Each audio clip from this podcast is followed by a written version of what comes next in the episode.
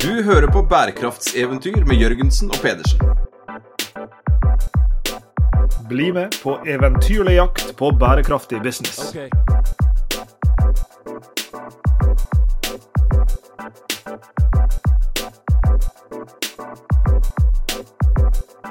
Jeg satt i dag tidlig Sveinung, og så på nettet at det fantes nå en um, teknologi som kan gi deg um, fashionråd. Altså du kan laste opp bilder av deg sjøl Uh, og gjerne altså, helst påkledd, skulle jeg sagt. Det kan du få det kan være valgfritt. Men kan du fortelle litt mer om det?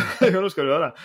Uh, nei, altså, og, og, da vil han si sånne ting som at den skjorta du har på deg, den er jo egentlig litt for, for, for posete. Og, og, du har valgt å ta slips i dag, men du vet at slipset skal jo ikke gå ned over beltet. altså Det skal jo slutte litt overfor beltet. Uh, kanskje burde du ikke gå med bukser som er, som er vide av den typen. Du ville se bedre ut med, med, med liksom strammere bukser. Det er sånn det er da en, en eh, AI-basert eh, teknologi, etter det jeg skjønte. Og, og, dette begynner jo å komme på veldig mange ulike områder, ikke sant? hvor du kan få kloke råd av teknologier som plutselig kan gjøre ting som vi før trengte flinke folk til å gjøre. Dette her er jo ikke noe, noe nytt. ikke sant? Det, det fantes en tid hvor den eneste måten å få råd om bøker på, eller råd om um, plater på, det var å gå i en bokhandel eller gå i en platebutikk hvor det var drevne og erfarne folk med kunnskap om dette, og så ville de gi deg råd.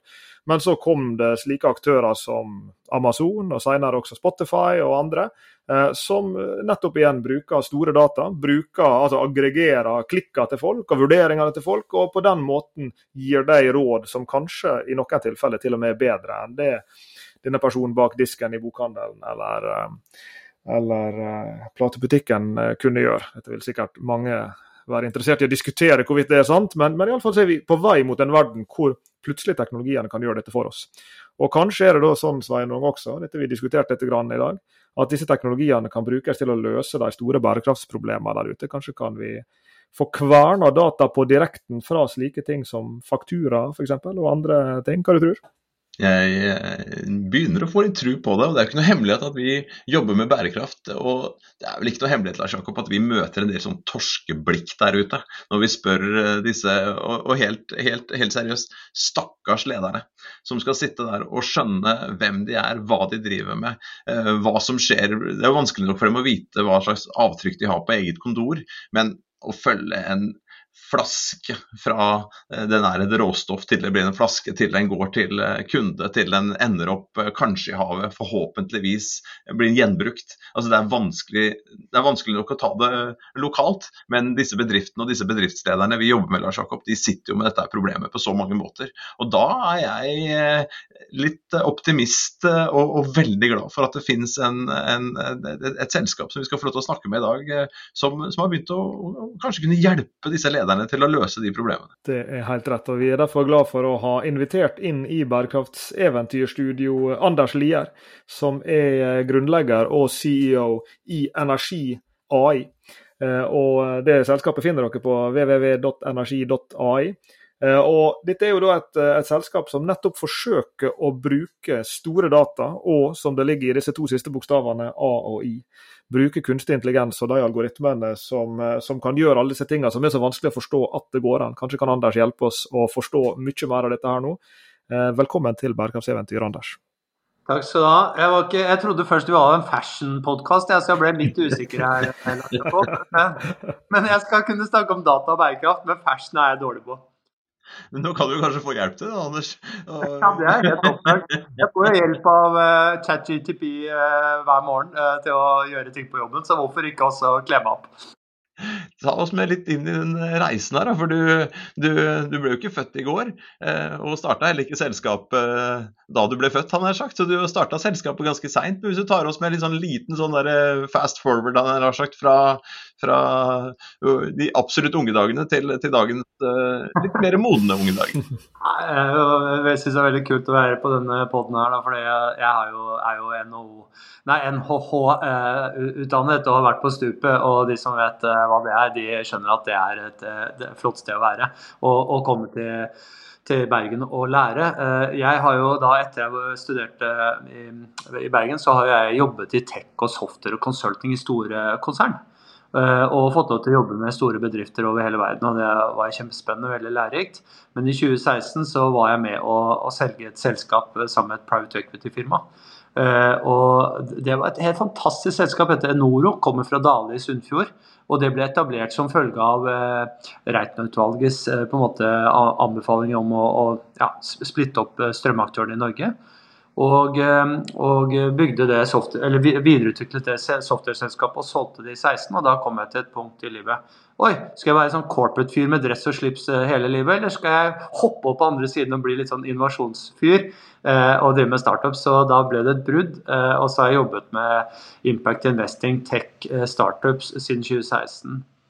Jeg kan ikke bruke hele poden på å snakke om meg, det blir litt kjedelig eh, om min bakgrunn, men det var en superkort versjon, da. Og så må jeg si at jeg er fra Fredrikstad, og eh, FFK har rykket opp nå i Toppserien Norge. Endelig! Så det er vi kjempeglade Vi klapper for den. Og da merker, kan jo lytterne også merke seg at i slike samtaler så har Sveinung sin indre østfolding en tendens til å liksom poppe mer opp. Så dette får vi se utover i samtalen hvor vi ender opp en sånn dialektmessig.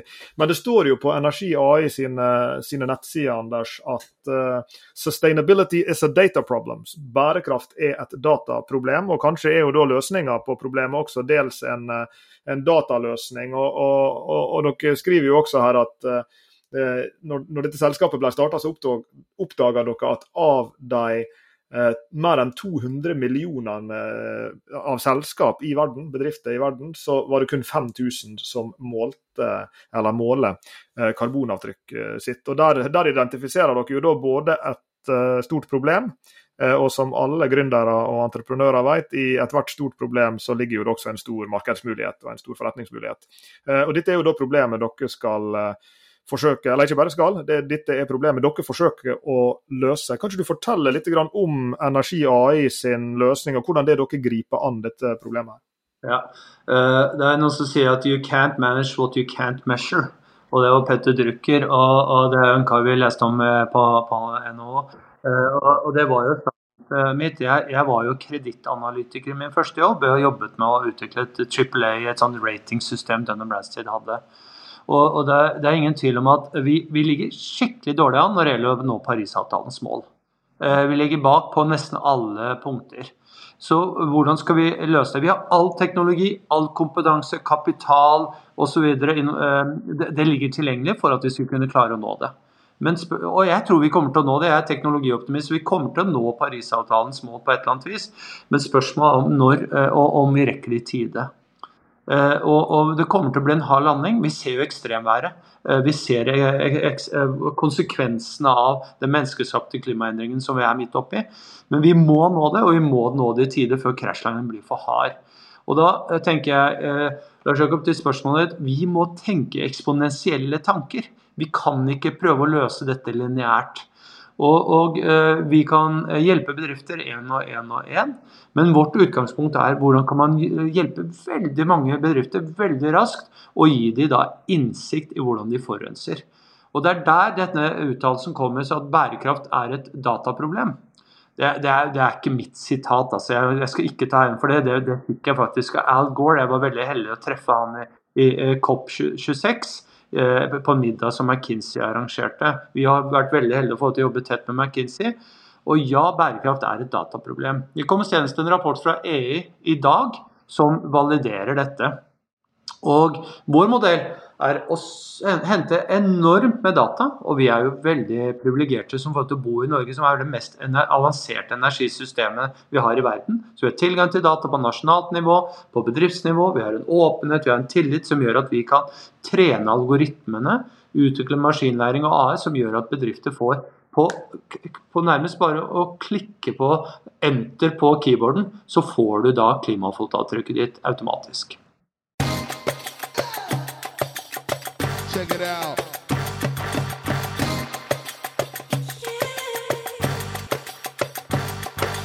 Hvis du koker dette her helt ned, for vi, vi lever jo i den verden vi lever i, og vi hører disse begrepene. og Du nevnte ChatGTP her, og det er, det er moro og det er nyttig. Eh, og Vi begynner jo å få litt mer sånn følelse av hva dette her er.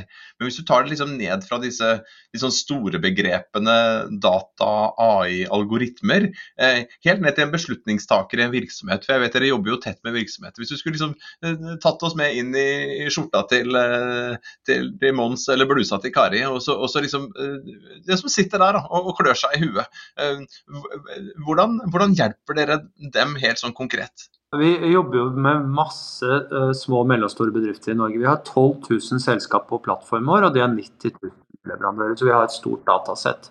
Men si du er CFO, da, et mellomstort bedrift i Norge, driver en rørleggerbedrift i Moss. Uh, du har 50 ansatte, og, og uh, så får du pluss Oi, jeg er truffet av åpenhetsloven. hva gjør jeg nå? Jeg har ikke peiling. Eh, jo, eh, da må du få, få, hjelp, og du må hente noe eh, Du må hente både kvalitative og kvantitative data. Så da kan du hente noe data fra datasystemene dine. Eh, og du må kanskje svare på noen spørsmål. Vi har da tilrettelagt for at den økonomisjefen i det rørleggerbedriften kan rett og slett fylle ut skjemaene og rapportere i henhold til lovpålagte krav. For det finnes en del lovpålagte krav som allerede i dag treffer små bedrifter, ikke bare de aller største. Men så sier det at rørleggerbedriften også skal by på et kjempestort eh, prosjekt på, på, på, et offentlig prosjekt. På gamle, et nytt gamlehjem på Jeløy. Jeløya.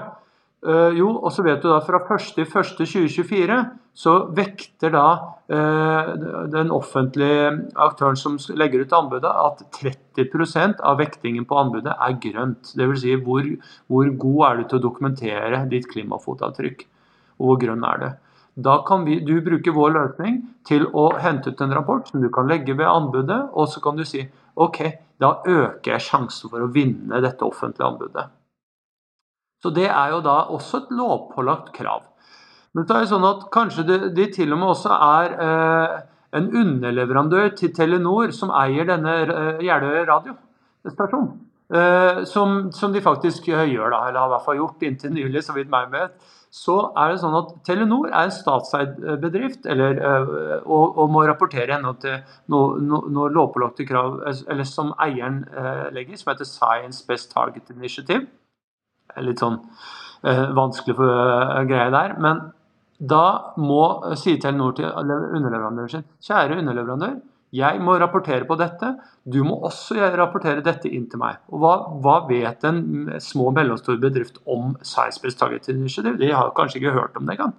Men da kan du bruke vår løsning til å sørge for at du får rapportert tilbake til Telenor og fortelle jeg hjelper deg, kjære Telenor, sånn at du kan rapportere videre i ditt system. Det siste var ikke lovpålagt, men det er da noe kunden din ber om. Kan jeg da spørre, Hvis vi, hvis vi går inn i liksom den teknologiske grunnstammen i denne løsninga. For dere tilbyr noe her som en teknologi gjør, en jobb som en teknologi gjør, som typisk disse virksomhetene verken har muligheten til å utvikle sjøl, eller har, har nær sagt uh, nødvendigvis insentiver til å utvikle sjøl heller, for det, det ville kosta mer enn det smaker. Uh, og nå har kanskje mange begynt å forstå sånn roughly hvordan en uh, chat-GPT Ikke akkurat hvordan han fungerer, men ok, han blir mata med veldig mye tekst, og så setter vi han i stand til da, å kunne predikere tekst. Sånn at hvis du ber han skrive en uh, bursdagstale til Sveinung i stilen til Ernest Hemingway, så vil han kverne på alt han har på Hemingway-tekst og andre greier, og så, og så genererer han på bakgrunn av det. Men det som dere gjør her, høres jo for meg ut som i en viss forstand enda mer komplekst. fordi at her er det dere henta informasjon fra ulike typer kilder for å kunne, eh, for å kunne generere da, disse fotavtrykkene til, eh, til, kunden. Og Disse kundene ser ulike arter ut. Eh, fotavtrykkene deres kommer fra ulike typer sted. Hvis du skulle gitt oss sånn for dummies-versjon av hva er det egentlig slags teknologisk løsning som muliggjør at dere kan hjelpe denne beslutningstakeren som sitter og skal ta en sånn eller, eh, som trenger denne typen informasjon. Hva, hva, er det egentlig som skjer her, Anders? Dere har uh, krevende spørsmål, for det er ikke så lett å forklare det sånn veldig enkelt. Jeg skal prøve, så får dere coache meg hvis jeg ikke klarer det. Men det vi gjør, er at vi hjelper bedrifter få innsikt i hvordan de forurenser. Dvs. Si de slipper ut CO2. Og det gjør vi ved å lese bedriftsdata, data som bedriften har, knyttet til sine, eh, sine eh, finansielle transaksjoner, dvs. Si kjøp og salg av varer. Og når vi da, så bruker vi veldig avansert teknologi, algoritmer og maskinlæring av kunstig intelligens, på tre områder. Først er hvordan vi leser dataene for selskapene, henter inn og leser dataene. Det kan komme på en papirfaktura, det kan komme på en elektronisk faktura, men vi tar da ustrukturerte data og gjør det til strukturerte data. Når vi har strukturerte data som, om, som er bedriftsspesifikke, så tar vi og konverterer det til en CO2-utslipp. Jeg kan gi et eksempel si at du har eh, biler da, eh, som dine uteselgere bruker. Så kjøper de bensin eller diesel på Circle K. Så tar vi fakturaen fra Circle K og leser den i detalj, helt ned til siste liter som står på fakturaen. Og så konverterer vi den til et CO2-utslipp. Og så vet vi at utslippet for CO2 på diesel er forskjellig fra bensin. Og biofuel det er forskjellige eh, faktorer. Og Da bruker vi teknologien til å finne den eksakte faktoren og det eksakte CO2-utslippet. Og Det er jo en fin måte å få et innsikt i for bedriften hvordan de forurenser. Men det er ikke det som betyr noe. Det som betyr noe, er jo faktisk hvordan du kan hjelpe bedriften å redusere utslippet sitt. Og Det er der maskinlæringen kommer, og språkmodellene, det, sånn som også Chat har. da. Vi har jo da utviklet en, vår egen språkmodell for hvordan vi konverterer regnskapsstandard og regnskapsdata over til CO2-utslipp, sånn at du faktisk kan få råd. Hva skal jeg gjøre? Denne bedriften, den rørleggerbedriften i Moss som vi snakker om, den har også identifisert at de faktisk har De kjøper inn for skitten strøm, og den er for dyr. Og det er faktisk stor økonomisk oppside for den bedriften å montere solpanel og sette batterier til og gå av nettet. Det var, det var et tenkt tilfelle, men det er data vi kan hente ut og gi den type anbefalinger, som er veldig konkret for bedriften, sånn at de kan i dette caset redusere kostnadene sine, men vi har også mange eksempler hvor de kan bidra til å øke topplinjen på å tjene penger på å være grønnere enn konkurrentene.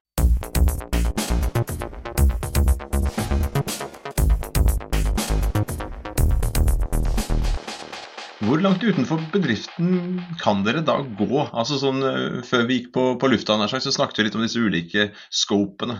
Eh, fra kontoret, scope 1, ikke sant? og helt ut til scope eh, 3. Og så begynner man nå å snakke om scope 4 også. Altså man, man, man, drar dette her ut og ut og ut.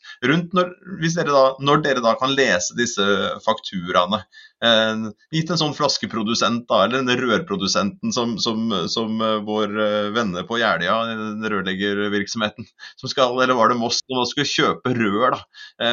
Kan dere gjennom fakturaene til selskapers få vite da hva slags type fotavtrykk også disse plastrørene som skal i veggen til, til nybygget også har?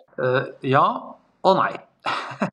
Fordi at eh, eh, Hvis du ser eh, hvordan eh, dataene gjøres tilgjengelig, så hvis du kjøpte plasteret da fra Kina, og det er laget i byen Guangzhou i Guangdong-provinsen i Kina, syd inn mot Hongkong, så vil jo den rørprodusenten med veldig høy sannsynlighet aldri fortelle oss eh, fotavtrykket på de, de rørene.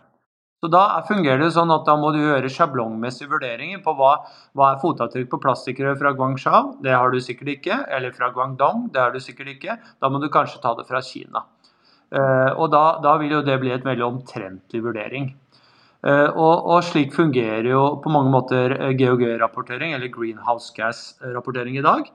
Men fordelen hvorfor jeg også svarer ja, det er fordi at det man får mulighet for, er jo å hente data fra livssyklusanalyser og produkt eh, CO2-utslipp. Det heter Product Declarations. Eller Environmental Product Declaration. Det er noen fagtermer her nå. Så, men det, når du har en datadrevet strategi, så kan du knytte opp til nye datakilder, hente de inn og øke granulariteten og kvaliteten på rapporteringen. Men den, den, liksom den hellige, the holy grail eh, for rapportering er jo hvordan du, dine underleverandører eh, forurenser. Og, og, med vår modell så har vi jo et, uh, et, hurtig forståelse av hvordan Scope 3 er, og så kan vi øke granulariteten over tid. Jeg må bare spørre videre, for da betyr det at dere, når dere får da det er nok arbeid å gjøre på CO2. Altså det, altså den, Mora til alle problemer er liksom klimaproblemet. Den, den, den, den, er vi nødt til å ta tak i. ikke sant? Men betyr dette også at dere da hvis jeg skjønner det riktig, sjablongmessig også kan vite hvor oljen kommer fra, eller om det er resirkulert materiale som gikk inn i disse plastrørene. Altså sånn, kan, kan, dere etter hvert som dere får, får data og oversikt på CO2-problematikken, også hekte på andre eh, vesentlige forhold for virksomhetene? Ja, vi kan hekte på andre vesentlige datasett som er viktige for bedriftene. Kan, vi må jo gå til aktivitetsbaserte data. Vi kan jo ikke basere dette på forbruksbaserte data. Det er ikke tilstrekkelig. Det er et godt utgangspunkt. Men si, f.eks. i Norge er vi veldig heldige. Vi, er, vi, har veldig lett til, eh, til, vi har mye tilgjengelig data rundt strømkonsumsjon, Scope 2. Uh, og Vi henter jo data fra den smarte måleren i, som står i ditt kontorlandskap. Og da henter vi data helt ned til hvert 15. minutt der det er mulig. Og Det er ikke viktig for å rapportere. Hvem, hvem bryr seg om å rapportere klima-CO2-avslippet hvert 15 minutt? Men det er veldig relevant f.eks. hvis du ønsker å ta forretningsmessige beslutninger eh, knyttet til å få billigere strøm, renere strøm. Ok, I Norge er det ikke et kjempestort problem. Jeg tror uh, vi har vel 7-8 av vårt, uh, vår strømforbruk er, er litt uh, skittent, for det kommer via utenlandskablene. Men bare gå til Sverige, da. Eller til Polen. Vi er en bedrift som ønsker å være globale. og Vi har allerede kunder i Norge, USA og Brasil. Så vi må jo tilrettelegge for at man kan lese den type data. Så svaret er ja, Sveinung. Men det, det, tar jo litt tid, for vi kan jo ikke på en måte si at vi, vi har ikke løst alle problemer i dag. Men med en datadreven strategi og hekte på flere datasett, så har vi mulighet for å, å, å gjøre det. En liten oppfølging til det poenget, Anders. For jeg går ut ifra at her er en slags sånn eh, ja, hva skal jeg kalle det, jeg trenger ikke å kalle det noe som helst. Jeg går, jeg går ut ifra at, at, det fungerer sånn det her at jo mer data dere får, jo mer kan dere gjøre, på et vis. Altså at det, Hvis du tenker på verden som et stort puslespill, da, og du pusler én og én brikke, så ser du etter hvert et større bilde som gjør at det, det, er lettere å koble sammen dataene, det er lettere å sammenligne med med, med relevante benchmarks. Det er lettere, og du var inne på dette med Kina i stad. Ja, plutselig så har en så mye data på var det Guangdong-provinsen, eller hva nå navnet var. Jeg er ganske dårlig på kinesisk geografi. Men, men, i, liksom, for hvert nye liksom, datasett i datasettet som kommer, da, så går jeg ut ifra at dere da vil også kunne gjøre mer og mer. Er det, er det riktig forstått? 100 dere, eh, dere forsker og sikkert eh, underviser rundt nettverkseffekter. Eh, så det, det, du snakker om nå, Lars Jakob, er eh, nettverkseffekter. Så mm. det er en ve vesentlig del av vår strategi. fordi at du kan I dag så er det sånn at du, mange begynner å gjøre endringer fordi det er et regulatorisk krav. Det er jo på en måte en Du blir pisket til å gjøre tiltak. Men jeg tror veldig mye på det å på en måte motivere folk med grønne gulrøtter. Eh, og Da må man bruke atferdspsykologi, man må gjøre sammenligningsanalyser. Det er ingen som liker å være eh, på bunn av statistikken, de dårligste aktørene i din bransje. Det er forferdelig. Så i dag kan vi fortelle rørleggsbedriftseieren på Jeløya at han er topp tre i Norge faktisk blant rørleggerbedrifter. Eh, for vi kan hente data ut fra våre datasett som gjør at vi kan sammenligne bedrifter. Og, og, og, da kan man bruke samlingsanalyser, benchmarks-muligheter, uh, og, og, drive atferdspsykologi sånn at folk faktisk ønsker å, å, å grønne på å være best i sin klasse.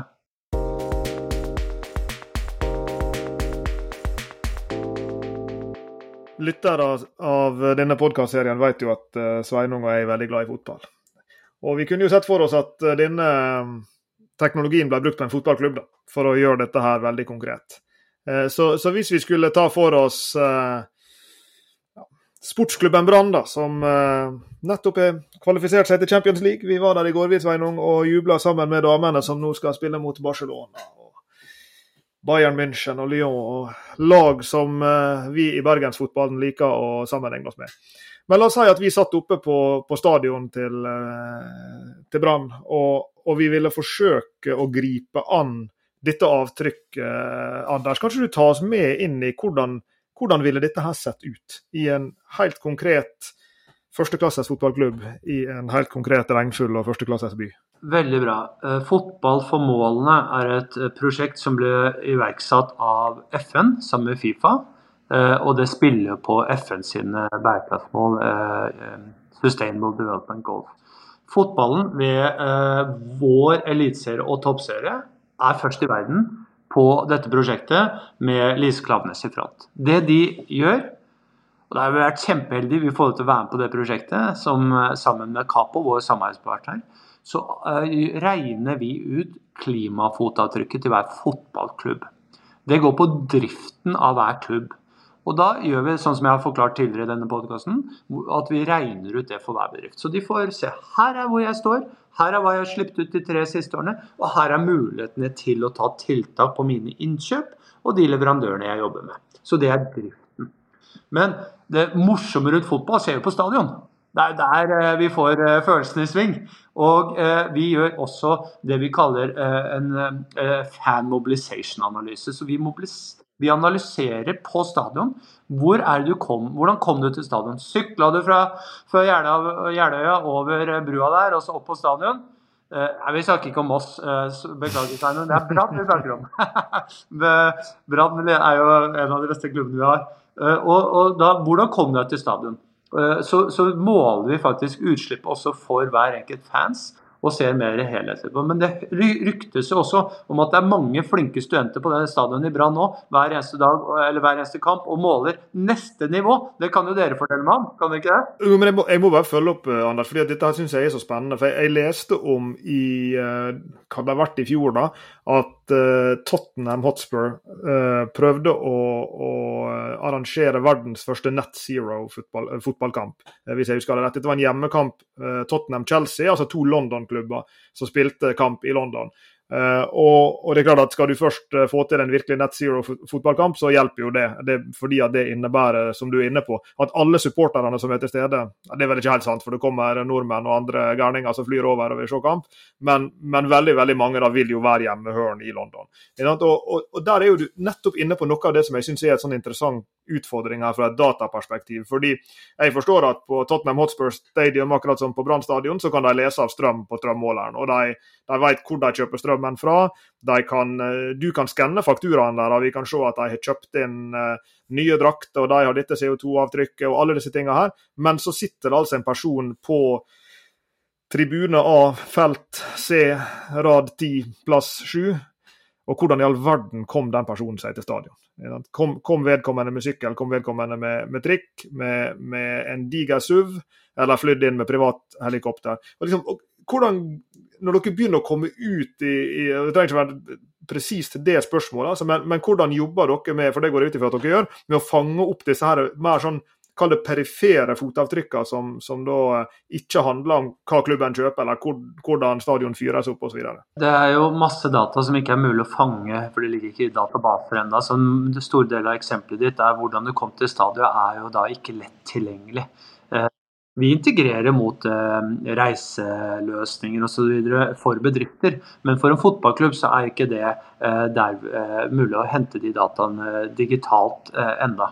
Men, men, jeg tenker at det som er viktig, er alle mennesker, og det er forsket mye på, ønsker å leve en livs, de fleste mennesker ønsker å leve en grønn livsstil. Eh, vi forstår jo at eh, klimaendringer er menneskeskapt, at det er store problemer. Det treffer fattige, det treffer rike. Så eh, målene for fotball, eller fotball for målene, det prosjektet som toppserien og eliteserien er, er, drivkraft for i, i, verden, det er jo at fotballen skal drives mer bærekraftig, og at vi skal øke folks kjennskap og bevissthet til å, å være mer bærekraftig. Så det er der vi står nå. Og så må vi få folk til å sykle i større grad til stadionene. Vi må få finne de gode løsningene. Men, men også jobber vi med mer automatisert datainnhenting. Det er noe vi jobber med i parallell. Du spurte oss om Brann, og vi har snakka om det på den podkasten her før. Vi, vi, sitter jo på, på knærne etter, etter, hver kamp sammen med en hel haug med, med, med, studenter og sorterer og veier avfall og går ned på det datapunktet der. For man visste jo ikke før vi begynte å telle på det nivået der hvor mye avfall som kom inn per kamp, og, og, hvordan det ble sortert eller ikke sortert. Og så, så er vi inne her på, på, reise, og så er vi inne på, på norsk fotball. Og så nevnte du i stad at dere har kunder både i USA og Brasil, og det er vel litt sånn artig, nesten eh, kuriositet, eh, litt sånn en, en eksport der fra dette prosjektet du snakker om med, med fotballen i, i Norge, og så over til USA. Fortell. Vet du hva, Jeg er veldig heldig. Jeg har så utrolig mange flinke kollegaer som jobber hos meg. En av de er Brian West, apropos fotball. Han spilte jo da på Fredrikstad fotballklubb og var eh, den raskeste karen vi hadde i Eliteserien den tiden. Han fikk ofte strekt, altså han ble ofte skadet òg. Men Brian spilte jo også i Columbus Crew. eh, En MLS-klubb, en, en soccerklubb som de kaller det der borte i Columbus, Ohio. Og det kunne altså. Så vi, vi, snakker jo nå med de om å gjøre det samme som vi gjør for, fotball, eh, for topp, eh, toppfotballen i Norge. Så vi, vi, skal jo ta dette globalt, det er vår ambisjon. Og tenk deg da å eksportere dette fra Brann til eh, Columbus og deretter kan vi ta det rett ned til Rio de Janeiro. Ja, ja, ja. Vi, vi, blir med. Vi blir med. Og vi er ikke vonde å be. altså Skal se Lars Jakob sin personlighet uh, forandre seg det øyeblikket han lander i, i Sao Paulo og får lov til å gå gatelangs uh, i Sao Paulo. Det er, en, uh, ja, det er faktisk ganske vakkert å se på. Er, jeg liker jo personligheten hans her i Norge også, men vi hadde et par uker skjønner du, for noen år siden hvor vi fikk lov til å, å, å være på tur med både akademisk og sammen med bedrifter og sammen med studenter der nede. og Det var en, en herlig reise. så vi vi, er ikke vonde å be eh, der heller. Men fortell om Brasil. Da. Hva er forgreiningene deres inn der? Jeg, vet, jeg kom hjem fra Sao Paulo på torsdag forrige uke. Eh, og eh, vi er etablert i Brasil med, med fantastiske investorer og har et lite team der og våre første kunder. Vi er akseptert inn av Itaú, som er Latin-Amerikas aller største bank, en gigabank, og er en del av det inkubatormiljøet. Eh, så de er et stort innovasjonshub i Sao Paulo. Eh, og eh, det, det, som er spennende, nå har de jo fått nytt politisk lederskap, takk og lov. Som gjør at det er mulig på en måte å drive bærekraftsagendaen opp mot regnskogen og sånn på en helt annen måte enn hva det har vært de siste årene. Og Brasil er jo svaret på veldig mye av de utfordringene vi har rundt klima. Se på frivillig karbonkredittmarkedet f.eks. Eh, det, kommer til å tørke ut eh, Eller det kommer ikke til å være noe tilgang til det eh, i, i, i verden etter 2025. Brasil kan avløse det. Brasil har fornybar energi, for de har hydrokraftenergi samme som oss. Og er et veldig viktig del av verdensbildet for å komme fram til et ordentlig grønt skifte. Så vi har gått til Brasil, har vår software på portugisisk, vi har kunder på plattformen, vi har teamet der. Og eh, vi skal gå til Brasil. Og Det føles litt merkelig ut. Vi er en, en tech-bedrift som har holdt på i to år, 20 ansatte. Men vi har helt fantastiske backers, våre investorer. Eh, inkludert de beste seriegründerne i Norge. Jakob Hatteland, vi har Frode Strand Nilsen, vi har Trond Rybbe Knutsen. Men vi har også Svein Harald Øygard og Halvard Rideland, som har jobbet ekstremt mye i Brasil. De hjelper oss å, å conquer Brasil. Eh, med, med også fotballklubber snart, håper vi. Vi var og besøkte F, FCV, er, sier det riktig nå, Lars eh, Jakob? FCV på norsk FGV. Eh, det er da universitetet i Sao Paulo. Det blir ofte kalt sånn eh, Sør-Amerikas Harvard. Det er en veldig veldig bra institusjon. og de, Hvis jeg husker riktig, så hadde de vel omtrent 50 forskere som var tilknyttet deres senter for bærekraft. Men en, en, en av de utfordringene de snakket om, var at det var veldig vanskelig å komme å begynne å snakke om klima, for det var så ekstremt mye fattigdom der.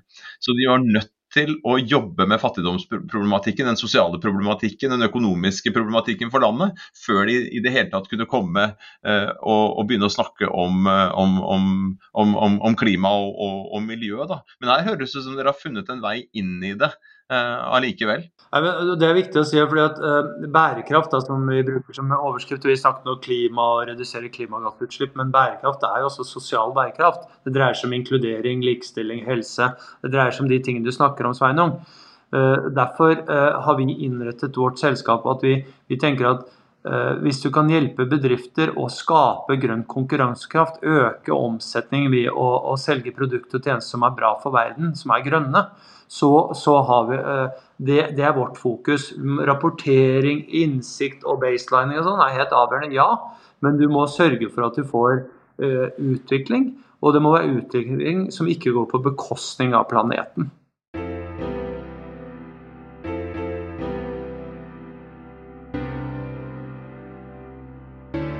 Jeg frister til å fortsette her litt ned langs samme sporet som, som Sveinung eh, er på vei til, men, men et litt annet spørsmål. Og det, og det, peker tilbake til noe vi har vært inne på allerede. For Sveinung var inne på i stad dette her med de andre fotavtrykkene. Og, og jeg deler jo Sveinung sin, eh, sin oppfatning at liksom ja, kan vi få en løsning som, som, er med på å løse CO2, så må jo det være mer enn godt nok. Men så samtidig så vet jeg jo fra all teknologi at i det øyeblikket han blir god til én ting, så, så, plutselig så er det så mange andre ting han også kan, kan, kan gjøres, Og, og nå snakker vi nettopp om, om Brasil og det miljømessige kontra det sosiale. Eh, før vi gikk på lufta, Anders, så snakka vi om vin, som jeg vet at du bryr deg om. Og vin er jo en interessant eh, altså har jo en interessant leverandørkjede hvor ja, det er massevis av CO2-relaterte spørsmål der som er interessante.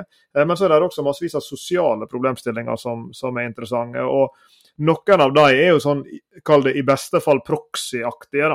At uh, du kan antageligvis gå ut fra at i snitt så er det flere sosiale sånn arbeiderrettighets- og menneskerettighetsrisikoer hvis du kjøper en eh, lastebil full av vin fra Sør-Afrika enn hvis du kjøper en lastebil full av vin fra Spania. Eh, det er veldig grovkorna sagt, for det er klart at det er utfordringer i Spania også, og det er massevis av eksempel i Sør-Afrika hvor det ikke er problemer. Men, men, i snitt ville du tenke at den ene lastebilen ville ha større problem hefta ved seg enn andre. Og Av den grunn så ville du vel f.eks. kunne bruke teknologi av den typen dere har til å til å ja, skanne eh, alt vininnkjøpet til en stor restaurantkjede i løpet av et år. da, Og, og sette og tallfeste noe slags menneskerettighetsrisiko, f.eks.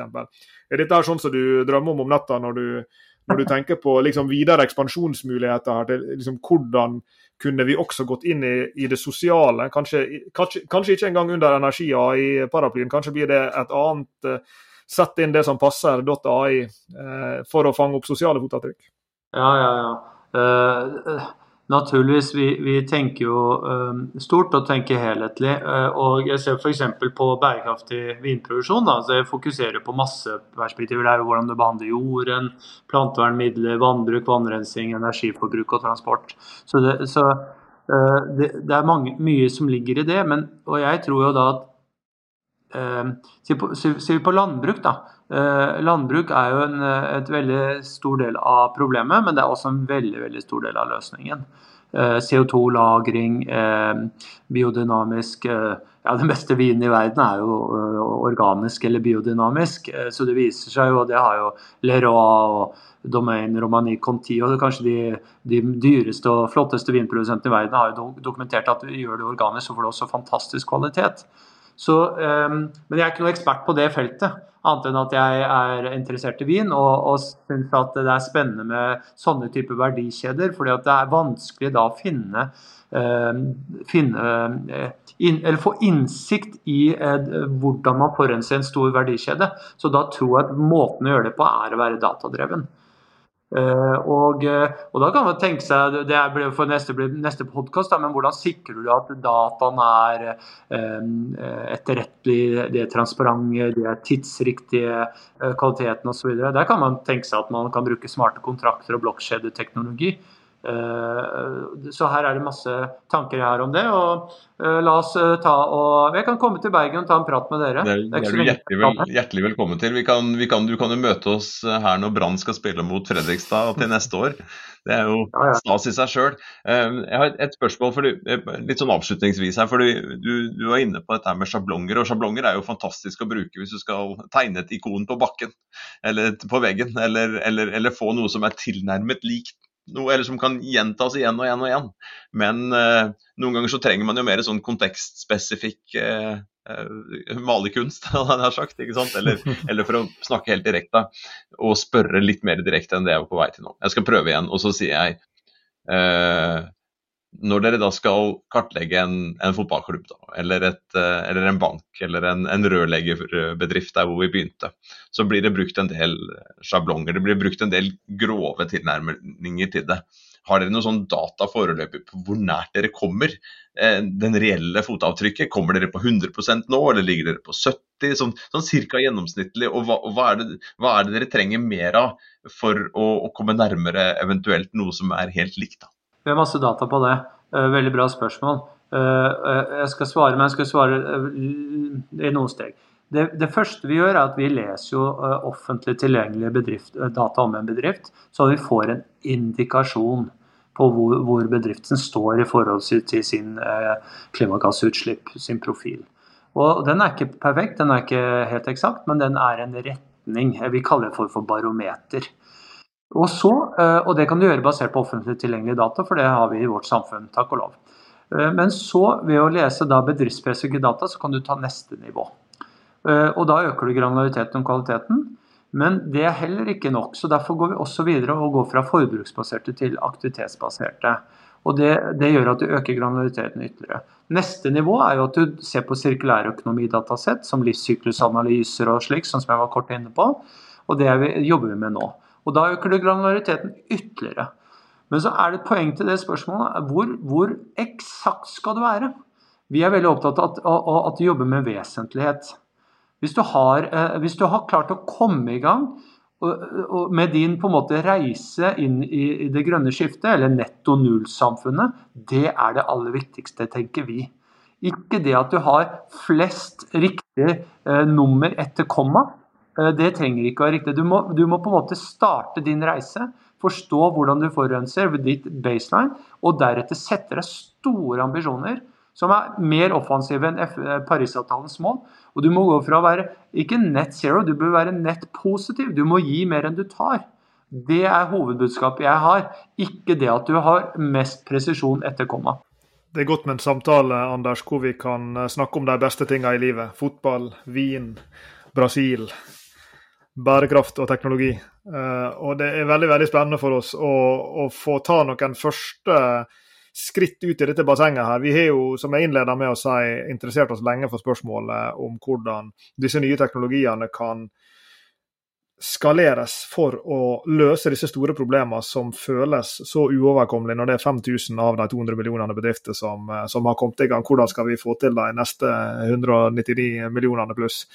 Um, vi er glad for at du eh, kom i eh, bærekraftseventyrstudio denne dagen og, og hjalp oss inn i dette eh, landskapet. Så gleder vi oss til å dykke lenger ned i det sammen med, med deg og de flinke folka i Energi AI videre. Og hvem veit, kanskje sitter vi plutselig her i studio igjen og, og snakker mer om det. Men neste gang vi sees, så blir det Fredrikstad sin bortekamp på Brann stadion neste sesong. Så velkommen til Bergen.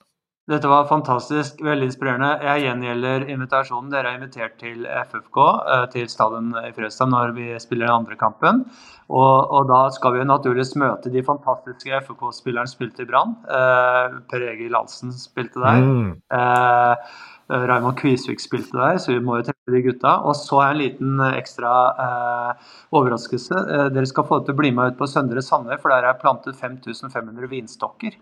Eh, som er et jeg er litt sånn hobbybonde på si, så kan vi se om kanskje vi kan smake på, på produktene allerede neste sommer. Nydelig. Vi gleder oss. Tusen takk for at du var med på Bærekraftseventyr, Anders. Takk for det. Takk. Du har hørt på Bærekraftseventyr med Jørgensen og Pedersen. Send e-post til eventyrkrøllalfa.jorgensenpedersen.no for å stille spørsmål eller komme med forslag til tema for fremtidige episoder. Og besøk jorgensenpedersen.no for mer informasjon om denne podkastserien. Okay. Derfra kan du også fortsette samtalen med oss i sosiale medier på Twitter, Facebook, LinkedIn, YouTube og andre steder.